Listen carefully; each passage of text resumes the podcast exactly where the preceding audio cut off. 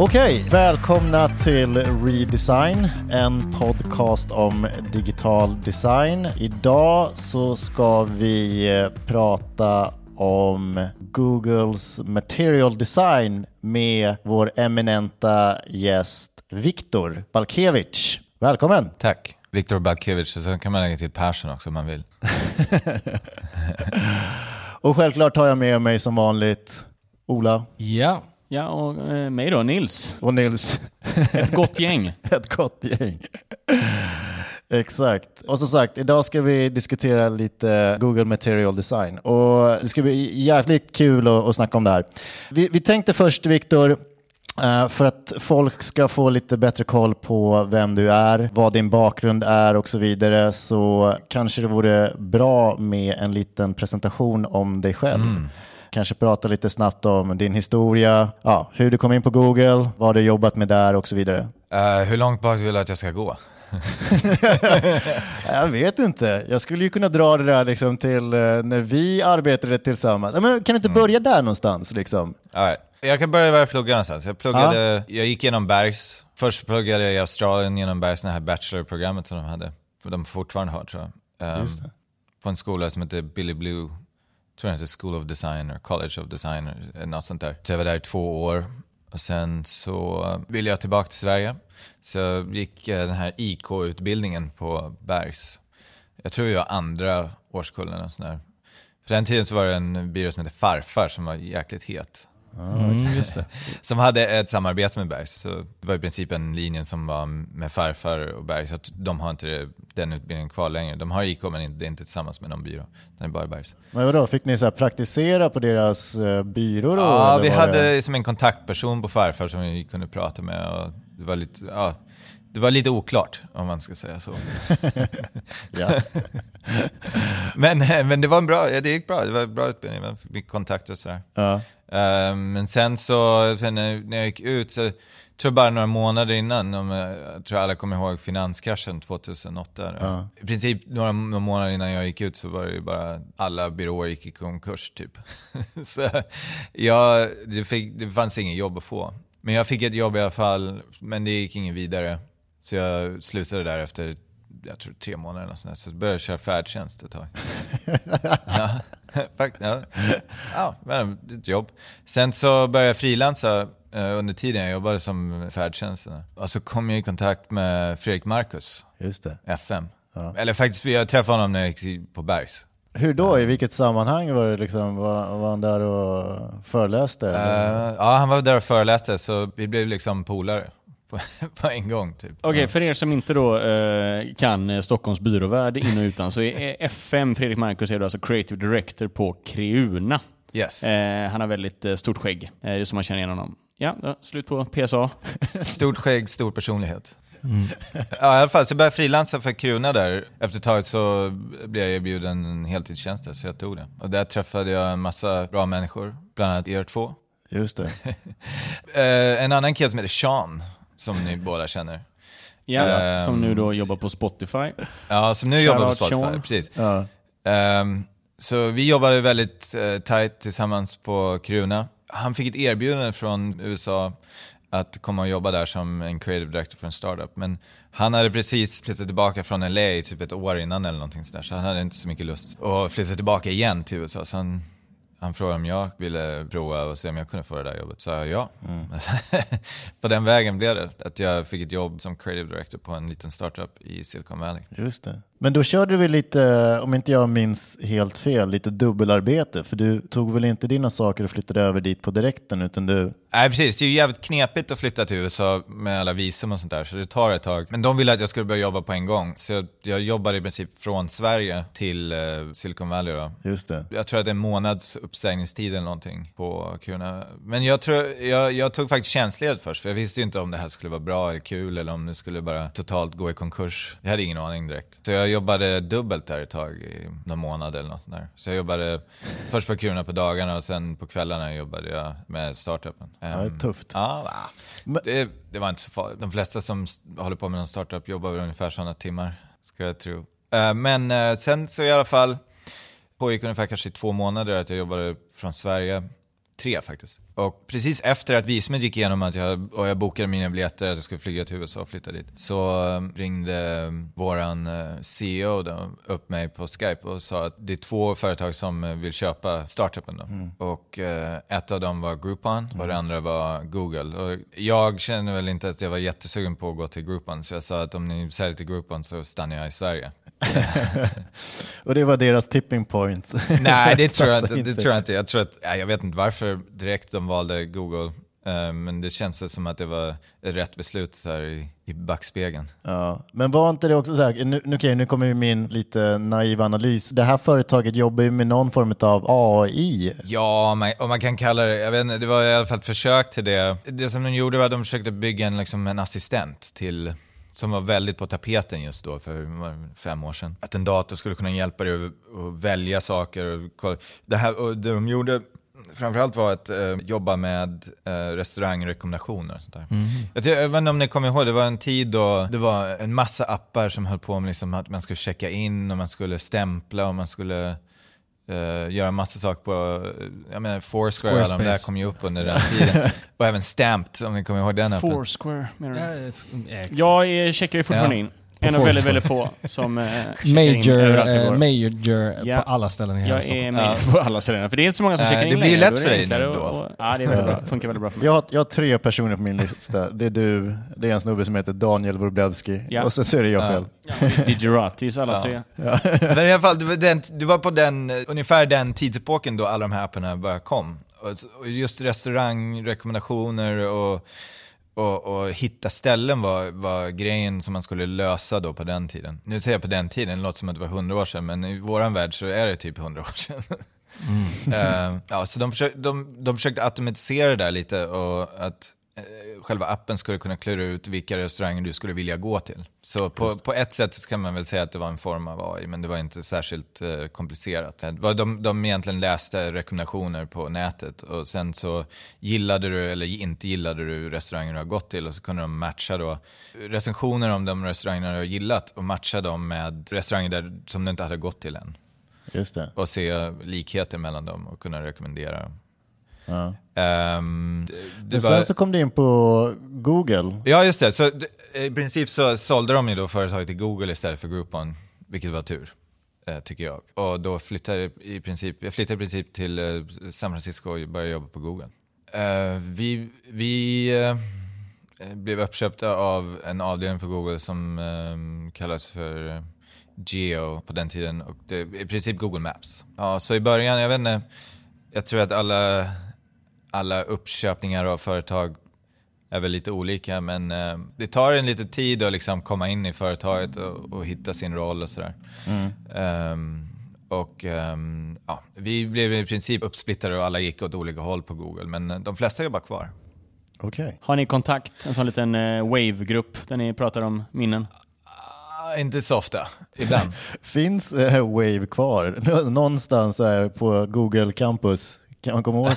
nej, nej, eh, jag vet inte. Kanske. Det är no jag, jag har aldrig själv använt det. Du kom väl in också i en ganska spännande tid där på Google, där de i en veva eh, hade valt att fokusera ganska mycket på design och prioritera det inom företaget. Tidigare så var det väl ganska mycket, ja, vad ska man säga, ingenjörsmässiga försök på nya typer av tjänster, inte så mycket kärlek till design. Ja, alltså, absolut. Det är fortfarande ett ingenjörsföretag. Vilket år är detta ungefär när du kommer in? Uh, det är 2011 började jag jobba på startupen. Så började på Google den 3 januari 2012. Ja, just det. Det var Larry Page som tog över? Ja, det var väl i alla fall kanske, jag kommer inte ihåg exakt, men jag tror att det var något år innan eller något sånt där. Okej, okay, och då, hur lång tid är det då tills du är med och jobbar på iOS Google Maps-appen? Ah, så det var väl ungefär sex månader efter jag började på Google. Jag försökte hitta, hitta min, min plats eh, och hitta något att göra som jag kändes eh, bra för mig. Så jag letade runt lite efter projekt. Ett som precis hade startats var att vi skulle bygga en iOS-version av Google Maps. Vilket innan det var, var, var, det, var det Apple som byggde sin egen kartapplikation baserat på Google Maps. Men på grund av en massa olika anledningar som är, jag inte vet om exakt eh, varför så var det en massa rykten om att det skulle inte fortsätta att vara eh, Google Maps. Så att då eh, blev det ganska bråttom att vi skulle försöka få ut vår egen app. Så jag hoppade på det projektet och det ansågs eh, som ett viktigt projekt. Så vi jobbade stenhårt på det och det var, eh, var ganska kort eh, tid på oss att göra det. Så vi eh, byggde en helt ny app från, från, från grunden på, ja, ska jag säga, kanske sex, sju månader eller något sådär. Okej. Ehm, och ehm, min roll blev lead visual designer för eh, Google Maps. Ehm, så jag tog hand om eh, i princip allt det visuella kring eh, Google Maps på den tiden. Det är inte så pjåkigt. Nej, det var kul. Också, det, var, mycket nytt, så man, man lärde sig rätt mycket om hur man skulle göra och vad man skulle, hur man skulle göra och hur man skulle kunna få saker och ting igenom på ett så stort företag. Det blir ju rätt annorlunda än, än att jobba på en, eh, ett litet företag också, på en byrå. Och sen efter Google Maps så var det ganska många andra produkter som du också jobbat inom Google. Ehm, ja, jag jobbade ju på Google Maps två år ungefär. Under tiden så, i och med att jag var ansvarig för visuella designen på Google Maps så blir det att man hamnar i mycket diskussioner med andra team på Google om hur vi skulle designa hela Google, inte bara individuella appar och sådär. Det var mycket prat kring det och eh, det blev ett projekt som kickades av eh, Eh, där vi skulle liksom fullfölja den här omdesignen av Google. Ehm, efter ungefär två år på Maps så kände jag att det var redo för ett nytt steg, någon, någonting nytt. Så ehm, jag hoppade på det projektet. Hade inte det ett kodnamn? I den här tiden så hade det inte riktigt något kodnamn. Ehm, Det var först vi, vi började prata med Android om att designa om Android och sen liksom växte det ganska organiskt så det blev, till slut blev det att vi, vi skulle designa om hela Google. Och sen så blev det också till slut att varför gör vi inte det här för hela, all, hela världen? ganska eh, expansiv ambition. Nej men eh, vi, vi, det blev att vi skulle försöka skapa ett liksom, designsystem för Google och för alla våra plattformar. Och då blir det att man måste jobba med um, tredjepartstillverkare som använder alla våra plattformar. Och då var det liksom embryot till Ja, material. det, det, är som- ja, precis. Embryo till Material Design som vi lanserade, vad det? Det är tre år sedan nu, mer kanske. Ja, eh, ja och det, det är väl lite det vi ska försöka prata lite mer om. Eh, Ja, Okej, vänta. Nu glömmer vi en väldigt, väldigt viktig sak här. Eh, Ja. för sen så gjorde du väl också då ett eh, projekt för ungefär ett år sedan va? Mm. Vilket tänker du på? Jag tänker på Googles logotyp. Ah, Ah, ah. det lilla, det lilla projektet. ja, eh, ja, för ungefär ett år sedan så... Jag menar, det är inte första gången Google eh, gör om sin logotyp. Det, jag tror att det har gjorts om kanske 14 gånger eller någonting sådär sen, sen de lanserade. Så det är, vi, det, det, är, det är väl kanske ett projekt som är pågående. Eh, vilket jag tror att alla liksom, brandingprojekt eh, är. Det, det, eh, det utvecklas med tiden och saker och ting förändras och att man uppdaterar och så vidare. Um, så det här var väl kanske den största uppdateringen då på ett tag. Och det var diskussioner som hade hänt under många år. Att vi, liksom, ol- olika aspekter av det hade diskuterats under ganska lång tid. Uh, men det blev ett projekt där vi kickade av uh, med att försöka skapa nytt sätt att kunna förmedla Googles identitet på mindre skärmar i princip. Så när Googles logotyp och liksom själva identitet hade skapats så fanns ju i princip bara, smartphones fanns ju inte direkt. Så det, var, det kändes som att det var ett behov att skapa någonting som kunde användas på, när det inte fanns så mycket plats på skärmen. Så att, så att våra användare även där skulle kunna se att det var faktiskt en Google-app de använde. Det var ungefär där det startade, men jag tror att som med alla projekt så liksom växte det ganska organiskt och blev när vi hade gjort det så kändes det inte som att det passade ihop med resten och eh, så blev det att vi jobbade fram ett förslag på att förändra alla former av vår logotyp. Eh, ja. och även jobba mer med ställen där, där det liksom inte är statiskt utan du eh, kanske använder en funktion på Google som eh, krävs en animationer för att eh, liksom, eh, förmedla vad det är som händer och så vidare. Och de, eh, instanserna så tänkte vi också att det skulle, fanns ett liksom bra, det där är ett bra ställe vi kan, vi kan eh, försöka få in mer av vårt varumärke i de situationerna. Mm. Lite där är liksom där Googles styrka ligger, när det händer de här coola grejerna som, som Google är en av de få företagen som faktiskt kan göra. Ja. Ja, det, är ju, det är ju ganska cool resumé. med, ja, alltså så det ju också Google, varumärket och material. Och det har ju gjort en jävla massa grejer alltså, helt klart. ja, jag vet inte, men eh, jag tror att när jag bodde i Sverige så hade jag nog aldrig kunnat drömma om att göra de här grejerna. Det känns väldigt långt bort när, man, när, man, när jag var där. Um, Ja. Men när man är i San Francisco och bor i San Francisco så känns det inte så konstigt. För att alla man träffar jobbar med något liknande. Ja. så att det, eh, och, och det är ju inte så att jag var själv på något av de här projekten. Det är ju massor med människor som jobbar eh, på. Men, eh, men absolut, jag är eh, väldigt nöjd med vad som har hänt de senaste fem åren. Absolut.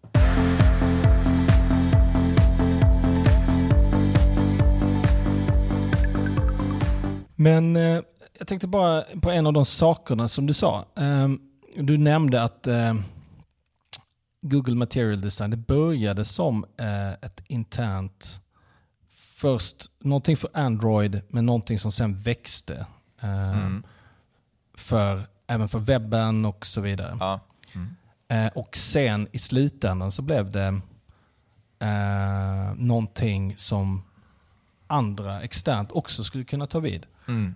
Hur, hur tänkte ni där kring liksom, eh, alltså när, när man skulle släppa någonting utanför dörren och andra företag skulle behöva förhålla sig till det här designsystemet. Hur tänkte ni kring, alltså hur gick tankarna kring varumärkesfrågor och så vidare? Vilka delar man ska, eh, kanske skulle eh, inte ändra på, vilka delar som skulle mer kanske kunna förmedla någon slags unik karaktär och så vidare.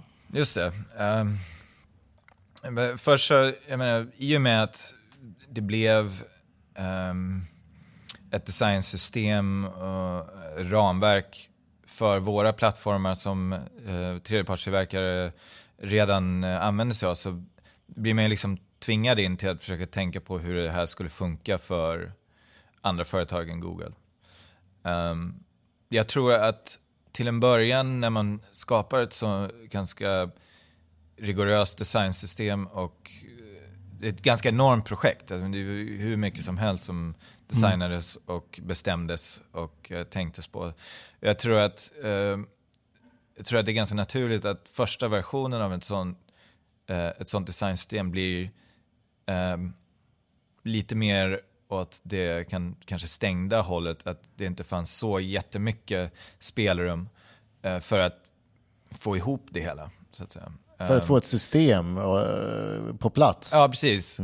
Eh, och det är ju liksom själva, ett systems natur är ju att om den inte har en opinion eller om den inte har liksom eh, ett tankesätt som är ganska riktat åt ett håll så, så fungerar det ju inte. Utan det, det måste ju vara, man, man liksom skapar på något sätt en sandlåda där man kan göra saker inom det. Men om det blir för brett så fungerar det inte, då hänger inte det ihop och det fungerar inte som ett system. Så, att, men, eh, så att jag tror den första versionen eh, så var det, vi hade ganska mycket tanke på att man kunde använda färger på, på, eh, i själva liksom, toolbars och appbars och, sånt där. Men jag tror att efter att vi lanserade och, uh, vilket var väldigt, eh, väldigt bra lansering, det var väldigt många som eh, tyckte väldigt mycket om det vi hade gjort och väldigt många började använda sig av det. Vi, eh, jobb, jag jobbade även också med massa företag för att hjälpa dem att liksom, implementera material design. Då. Utanför Google då? Alltså, Ja, precis. Vi, Mitt team jobbar ju, vi har ju liksom eh, design reviews med massa olika företag ute. Men eh, så jag tror att det blev ganska klart ganska eh, tidigt att folk eh, lite hade lite svårt med att se hur deras varumärke skulle passa in i allt det här. Så att eh, jag tror ganska, ganska tidigt började vi liksom skriva artiklar om hur man kan använda material design eh, och göra det till sitt eget. Och eh, det är väl någonting vi jobbar med fortfarande. Eh, eh, och försöker förbättra till, för framtiden också. Ja, för det är lite där någonstans, ska man säga, det är en intressant eh, skärpunkt. För eh, samtidigt som, jag menar, om man ska ta tillvara på alla de, eh, det arbete som ni har gjort så vill man inte gå allt för långt ifrån eh, den här sandlådan. Mm. Eh, men samtidigt så vill man ju, eller företag har ofta ett behov av att ha en egen prägel på saker. Mm. Så eh, ja, det, det är en eh, balansgång helt klart. Men hur, alltså, om, ni, om ni sitter med en design review med ett företag, för att eh, alltså, vi eh, på Ape Group då är ju väldigt native eh, drivna. Vi, vi föreslår eh, 99 fall av 100 att eh, Android-appen ska se ut som Material Design och eh, Apple-appen eh, ska liksom följa HIG. Eh, och ofta så säger våra kunder liksom att så här, men vad fan, vi vill att det ska se likadant ut på båda plattformar och så pekar de på till exempel ja, Spotify eller Tinder som är liksom sätter jättestor prägel på att det är, ser likadant ut. Vad, Ja. vad brukar ni säga då? Det är helt klart väldigt viktigt att man ska förhålla sig till plattformarna. va? Så att saker och ting som är väldigt specifika för de plattformarna, man ska följa det så att inte man förvirrar användarna på de plattformarna eh, till absurdum. Eh, jag tror att det är viktigt att man förhåller sig till plattformen på ett bra sätt. Jag tror däremot att det finns ganska mycket spelrum på, på varje plattform att, att uttrycka sig själv. Eh, jag tror att det finns sådana saker som är eh, hur man navigerar genom appar, vilka sorters eh, navigations eh, patterns eh, och sånt som, som man ska förhålla sig till på de olika plattformarna. Men eh, de är oftast jäkligt lika varandra faktiskt på, på um, de olika plattformarna. Så det finns ett gäng olika saker som, som man kan göra som, som gör att det känns hemma på den plattformen. Men jag tror att det finns otroligt mycket mer spelrum än vad man tror att uttrycka sig själv och skapa sin egen identitet. Eh, som är eh, eh, konsekvent över liksom, webb eh, och de olika eh, mobila plattformarna som finns där. Kan, kan du nämna då så här, exempel på liksom så hur man, man håller ihop det över olika plattformar? Är det utifrån innehåll? Först har du din grafiska identitet som jag tycker inte att man ska tumma på för mycket på de Ja. olika plattformarna. Jag menar, om din grafiska identitet, är, eh, ta något exempel bara. Raka linjer, liksom ganska starkt uttryck, inget blur, inget sånt. Då tycker inte jag man behöver använda sig av liksom Apples blur. Eller eh, eh, man, man kan liksom hitta sitt eget uttryck där. Men eh, eh, om man tänker, du kanske inte ska ta bort liksom eh, edge swipe-funktionaliteten i Apple i din app. Bara för att liksom skapa sitt eget uttryck. Utan det finns vissa saker som, som är liksom väldigt viktiga för eh, användarna att ha konsekvent genom alla appar.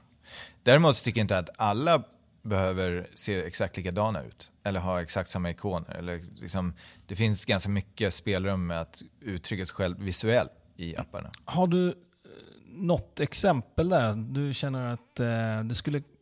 Alltså, någon app som, eh, där du känner att de har verkligen eh, implementerat eh, ert designsystem och eh, kanske också har en app till iOS. Eh, mm, ja, eh, eh jag är försiktig med att nämna för många företag, men eh, eh, jag tycker Airbnb har ganska, man kan tycka vad man vill om deras eh, branding och deras eh, grafiska identitet.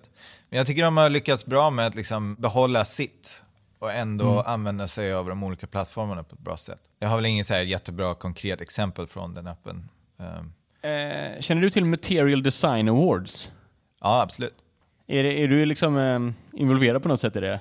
Eh, jag är inte jätteinvolverad i det. Jag har varit med och kollat på listorna som har tagits fram och eh, gett min åsikt om vad jag tycker. Nice. Ja, men för, eh, där är ju Airbnb med och, och eh, en fantastisk eh, gul japansk app som heter typ C-channel. Men eh, där är ju, eh, nu ska jag vara lite djävulens advokat här, men eh, där är ju den här Best Brand Infusion eh, är ett en företag som heter Asana som har vunnit. Och om man bara kollar snabbt liksom, så ser det egentligen ut som att de bara har att det är material design rakt igenom och sen har de bara gjort en eh, gradient på eh, FAB-knappen. Eh, eh, jag, vet inte, jag vet inte riktigt om jag har en fråga här, men det, för det känns ju lite så ibland kanske att så här, ja, när är plattformen i vägen för uh, varumärket och när är varumärket i vägen för användarvänligheten? Men så här, är det det man ska göra ungefär? Liksom? Gradienta fab-knappen?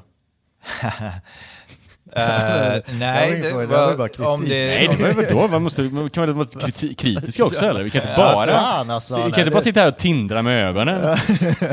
nej, det tycker jag. Ja, men det är de här frågorna som är viktiga. Jag kan inte säga att du ska sätta en gradient på din eh, knapp eller inte. Jag menar, det måste ju vara upp till de som bygger och designar den appen om det är rätt för dem. Uh, använda gradients, ja visst. Uh, uh, det är ingenting som egentligen förbjuder gradients. Så.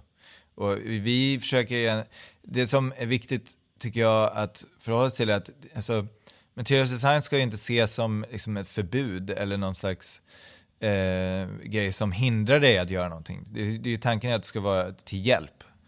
Eh, mm. Och att göra liksom, designprocessen enklare och snabbare och implementationprocessen också snabbare och enklare. Mm. Eh, så jag tycker de har ett bra, de har liksom, deras grafiska identitet, skiner igenom ganska tydligt i deras produkter. Men de använder sig av eh, mycket av de liksom interaktionspatterns eh, uh, och sånt som vi har tagit fram som i sig inte är liksom raketforskning. Jag menar, det är ju baserat på saker och ting som redan är där ute. Plus en massa mm. saker som vi kanske tänkte att ja, men det här skulle man kunna förbättra lite genom att göra sådär. Uh, så att mycket är liksom samla alla, all den här kunskapen som i princip finns där ute i ett dokument där som, uh, med eh, en viss kan, kanske eh, betoning på vissa saker som vi tycker är viktiga.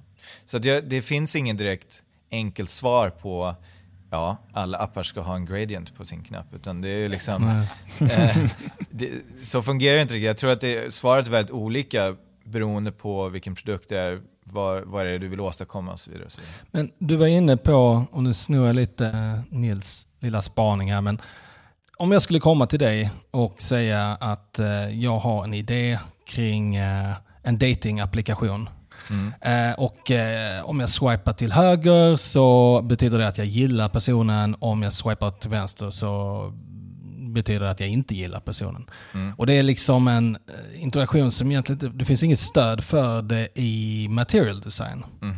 Men hur skulle du tänka bara så här spontant kring det? Är det någonting man skulle kanske testa iterativt eller? Ja, eh, så om jag tolkar frågan är, om, det är om, det, om du försöker designa någonting som inte är täckt av material design eller kanske inte finns några bra exempel ute i riktiga världen på hur mm. Det ska gå till. Eh, vad ska jag göra då? Är det, är det som är frågan i princip? Ja, eller hur, hur, liksom, hur pass sträng ska man ändå se det här? Eh, för att det, allting handlar ju om en, någon slags förhållande det finns ju begränsningar mm. inom allting, eh, Absolut. inom ett ramverk och eh, den tid som utvecklare till exempel har. Mm. Eh, och då gäller det ju liksom att göra så Många gånger eh, för vår del som jobbar på en byrå handlar det om mm. att få ut mest bang for the buck. Eh, och ändå liksom försöka hålla sig inom de här ramverken. Då. Mm. Eh, men ibland så finns det de här grejerna som kanske då sticker ut. Ja. Men som i det här fallet som jag beskrev då med Tinder, eh, har ju visat sig vara, det är ju det som har blivit deras varumärke, mer eller mindre. Absolut. Hur, eh, liksom, hur, hur, vet man när man ska eh, liksom, hoppa utanför eh, den här sandlådan? Du var inne på det, det är ju inte så lätt såklart. Men... Nej, jag tror även där, det finns ju liksom inte ett svar på den frågan heller, utan det om du försöker göra någonting som, och det redan finns en massa beprövade metoder, eh, kanske i material design, eller om det inte är täckt av material design, kanske finns massa bra exempel ute där som redan gör liknande saker, Eh, så kanske man inte behöver uppfinna hjulet igen. Och det är lite där material designs roll går, kommer in. Jag menar, det finns ju, de, den största majoriteten av lektioner där ute gör ju saker från interaktionsperspektiv som inte är nyskapande, utan det är kanske själva eh, tjänsten som är nyskapande, men inte interaktionen i sig. Och, och då, om man har en massa bra exempel på hur man kan åstadkomma det här, så gör ju det att man kan göra, eh, ta beslut snabbare och så vidare. Men däremot, så, om man skapar en interaktion som kanske inte finns så många bra exempel ute där, eller inte täckt av material design eller någon annan eh, designsystem eller eh, så blir det ju lite knepigare. jag tror inte det finns ett svar på hur man ska göra det heller. Men, Om man då äh, tittar framöver och hur äh, material design kommer att äh, fortsätta att utvecklas eh, och kanske också för all den delen Apples HIG och så vidare. Eh, hur ser ni att ni kommer liksom fortsätta att arbeta på, ja, med den produkten eller tjänst eller man ska säga. Kommer den liksom börja titta även på VR, eh, röst liksom framöver eller så att det också kommer liksom vara en del av det här eh, ramverket tror du? Ja, jag tror alltså material design är, jag tror att vi säger någonstans där att det är ett levande dokument och att det uppdateras med tiden och kommer förändras och så vidare. Det är, det är helt sant. Ja, vi jobbar vidare och vi uppdaterar på de sakerna och försöker förbättra de sakerna som vi ser eh, fungerar mindre bra och, och även identifiera saker som fungerar riktigt bra. Så det, det är ett pågående projekt eh, som kommer fortsätta. Eh, och det, där inkluderas ju även då liksom vad som kommer hända i vår bransch, olika plattformar och så vidare. Finns inga, jag kan inte kommentera direkt på exakt vilka plattformar som kommer inkluderas eller inte. Eh, jo, du pratade om att ni gjorde liksom designsystemet och det i sin tur ledde till att eh, ni kände att eh, eh, Googles identitet och, och, kanske varumärke inte riktigt fick plats eh, och framförallt så har det kommit nya eh, devices och liknande. Och så sa du att framförallt att, så här, att, att det behövde röra på sig. Hur, eh, för det är ju någonting man märker mer och mer. Jag menar, det är inte länge sedan som en ett var om man frågar en varumärkesarbete eller en varumärkesbyrå så är det fortfarande liksom färg, typsnitt och logotyp mm. och sen så ritar man ut hur mycket rum det måste mm. vara från loggan mm. till kanten på A4. Eh, hur viktigt är det liksom att ett varumärke rör på sig? För du sa att Google, där är det viktigt för att Google rör på sig, men är det viktigt även för kanske bil? Jag skulle kanske formulera om det och säga att det finns bra möjligheter mellan skärmarna, om du förstår vad jag menar. Att mellan de olika statiska eh, eh, skisserna man gör så finns det ju en massa som händer. Du laddar in massa ny data, det kanske är bilder som kommer in, du ska, in med, eh, det ska, du ska gå från en design till en annan. Och mellan där så är det ju massa saker som kan hända. Så det finns i princip, jag skulle mer se det som att det finns en stor möjlighet där. Ja som vi traditionellt sett kanske inte i vår bransch har tagit tillvara på så mycket. Mycket på grund av att det är svårt. Uh, det tar tid, man jobbar under tight budget och timelines och där så kanske det som man tummar på mest, vad som händer mellan de här olika skärmarna som man har designat. Uh, men jag tror att, och för att kommentera på det andra, så tror jag att eh, allt det traditionella inom design är fortfarande lika viktigt. Det är bara det att nu har vi mer grejer som vi också kan göra. Um, som kanske kan göra det ännu bättre. Och det finns en massa möjligheter inom de eh, områdena. För att, liksom, eh, som vi inte har tänkt på så mycket innan kanske. Just med varumärkesdesign och så. Hur, från ett personligt perspektiv, hur, hur, ser du på att det här liksom, man ändå ska kunna, alltså att kunna ar äh, arbeta med sitt varumärke så att det inte bara blir att man tillhandahåller data när, när mer och mer funktionalitet kanske flyttar över i eh, kanaler som företag själva inte äger. Mm, hur menar du då, själva inte äger? Nej, men om jag skulle till exempel lägga på en, göra någonting för Siri mm. exempelvis. Och det blir den primära sättet som folk interagerar med min tjänst. Mm. Så såvida jag inte har någonting, ett väldigt unikt erbjudande så kanske det inte ja, det kanske inte finns den här påminnelsefaktorn som det ibland eh, finns med det visuella. Man eh, har, eh, liksom får en viss app inbränd på hornhinnan, för man använder den ganska ofta. Ja, men du menar lite som, var det inte Apple TV, hade inte de lite så för filmer och media? Alltså så här, typ, de, de, de skulle kunna läsa in Just det. allting Ja, men från det är bra. tjänster. Det, Och, det, det är ett bra exempel, Mm. precis, det är ett bra exempel på när man kanske bara tillhandahåller data i slutändan. Att jag kan söka eh, via fjärrkontrollen på olika typer av innehåll, få resultat utan att vara inne i appen och börja kolla på någonting i Netflix. precis. Ja, det är, jag, har inget, jag har inget bra svar på det tror jag. Eh, Jag tror att vi, om man tar tillbaka till eh, just de här kanske icke-traditionella interaktionsmetoderna som men vi ser allt mer och mer, vi ser eh, VR, vi ser liksom röstinteraktion och allt möjligt som inte kanske är så grafiskt som vi, traditionellt sett, alltså att det är ett statiskt skärm som man designar, utan det är mer ett flöde som kanske händer. Eh, Jag tror att vi inte riktigt vet än exakt vad som är, fungerar bäst. och man, får, man får försöka titta på det man har framför sig och se vad det är, vad det är för möjligheter man har.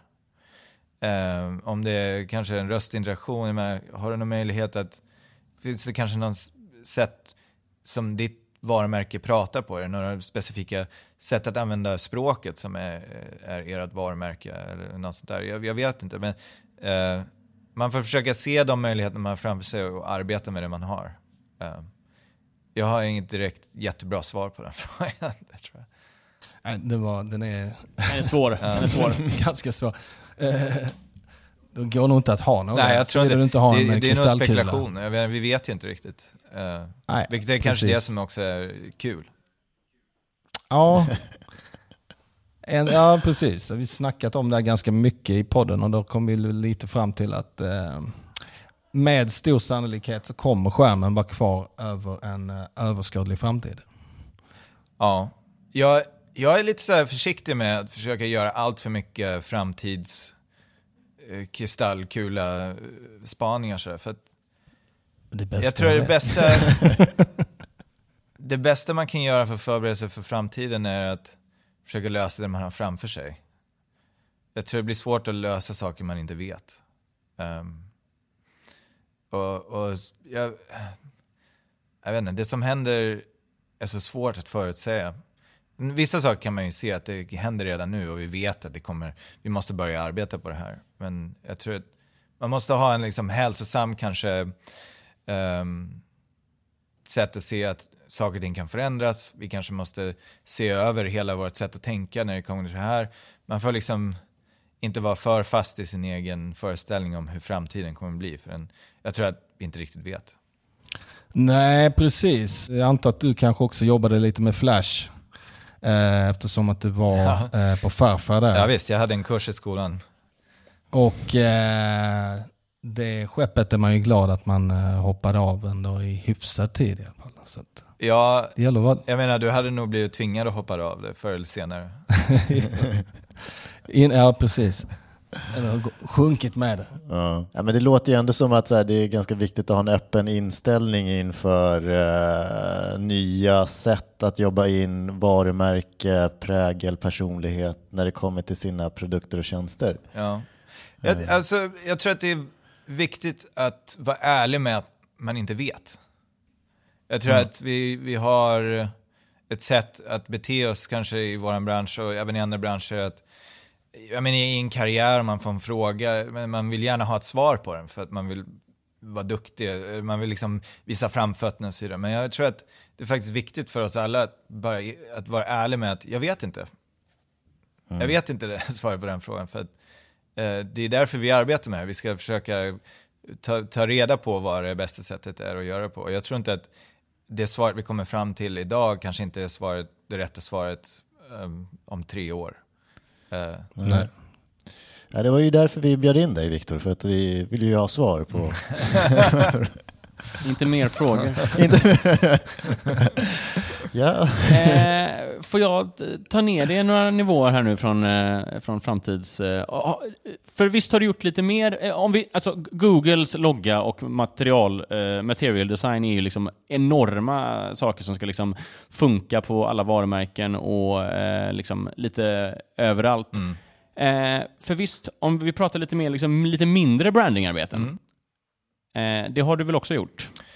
Ja, jag eh, fick möjligheten att eh, jobba med att jobba om eh, Google Ventures eh, eh, varumärke också förra året. Just det. Eh, och eh, är, det är det statiskt eller är det animerat? Vi hade lite olika förslag, men jag vet inte statusen om de eh, har implementerat något av det eller inte. Okej, men om, vi- om, du ska bara liksom så här, om vi ska nörda ner oss lite då. Så här, vad är liksom tipsen kring ett bra... Ja, men, kan man kalla det ett varumärkesarbete eller liksom identitetsarbete eller är det någon skillnad? Svår fråga. Ehm, Ge oss ett svar nu. Det är en öppen fråga, du kan svara vad du vill där. Ja, men jag, jag, jag, jag, är utbildad i kommunikationsdesign som de kallar det. Eh, Jag, menar, vad, jag tror den första frågan är, vad är det, vad är det du vill kommunicera? Vad är det du vill förmedla med Eh, eh, din identitet? Vem är du eh, som företag? Vad, vad är det du vill att eh, åskådaren eller användaren eller din kund ska förstå vem du är och vad du kan göra? Jag tror att, jag menar, det är basen på vart jag ska börja. Det är, jag menar, nästan alla, många företag vet redan det här och har redan gjort eh, ett arbete kring det så att man får det presenterat för sig att det här är det vi är. Men eh, om man gör om allt från början så tror jag att det är någonstans där man måste börja. Liksom, vad, vem är, vilka är ni? Vad är det ni vill, göra? Vad är det ni vill säga? Men eh, jobbar du någonting med typ så här... Eh, ja, men, eh, fär, vissa färger betyder olika saker, blått är tryckt eller typsnitt förmedlar saker, eller hur, Ja, hur eh, eh, går du an liksom ett, ett, ett varumärke? Eh, absolut, jag tror att allt sånt där förmedlar ju en känsla eller en, ett, ett, uttryck. Eh, så jag tror allt sånt är viktigt. Jag brukar hålla mig borta från att försöka läsa in för mycket i färger. Eh, för, jag menar, det är en sak som man har eh, blivit exponerad för när man jobbar på företag som Google som finns över hela världen. Att det finns inte direkt en färg som betyder samma sak överallt i hela världen. Utan det är lite olika i olika kulturer och så vidare. Och så vidare. Um, um, så att, ja, det är ganska svårt att läsa in för mycket. Men eh, absolut finns det en psykologi eh, kring färger. Eh, men det också, finns ju andra sä- saker man ska tänka på också. Jag menar, det kan ju se, brukar, det är bra att göra liksom en, en, eh, en analys av landskapet ute. Jag menar, om du designar en, en om du eh, designar om varumärke för en, för en bank, jag menar, hur många blåa banker finns det där ute? Det kanske finns en, det kanske finns eh, eh, eh, en möjlighet eh, och ett utrymme att kanske välja någon annan färg som gör att du sticker ut, som gör att du eh, är annorlunda än dina konkurrenter. Menar, det är sådana frågor det också. Det, det, är liksom inte raketforskning heller, utan det är ganska eh, sunt förnuft ofta, tycker jag. Eh, viktigt att nörda ner sig lite kring sådana grejer. Ja. Det kan inte vara högtravande framtidsspaningar hela tiden. Men eh, framförallt men, om, man har, få- om man har gjort klart det arbetet med så att den kunden jobbar med, eller om du jobbar med ditt eget företag, du funderar ut vem du är och vad det är du vill säga, vad är det du vill förmedla. Men när man har det, då kan man ju alltid bara, eh, om man gör ett beslut om färg, så kan man gå tillbaka och säga, men är det här, förmedlar det det jag vill förmedla? Och, och gör det så, så, ja, då kanske det funkar.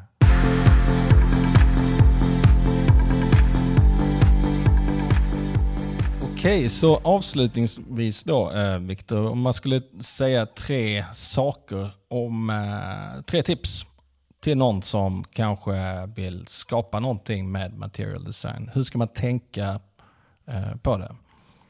Uh, först och främst skulle jag kanske, jag skulle tänka på hur du använder dig av material design. Att se det som ett, ett verktyg. Um, eller en verktygslåda som, är, som har en väldigt massa verktyg eh, som kan hjälpa dig. Du behöver inte använda alla de verktygen. Eh, jag menar, du kanske inte använder borren för att hamra in en spik i väggen. Eh, och också om det inte finns ett verktyg där i som passar till det du gör, då kanske du måste uppfinna ett nytt verktyg och det är inget fel med det. det, är, ju- vi, det är ju jättebra eh, och kanske de sakerna som är mest spännande att jobba med. Eh, så jag skulle se material design som ett, som ett, redskap och hjälp. Att komma igång snabbare, att kanske svara eh, frågor som inte behövs, liksom, vi behöver inte designa om hjulet för många gånger.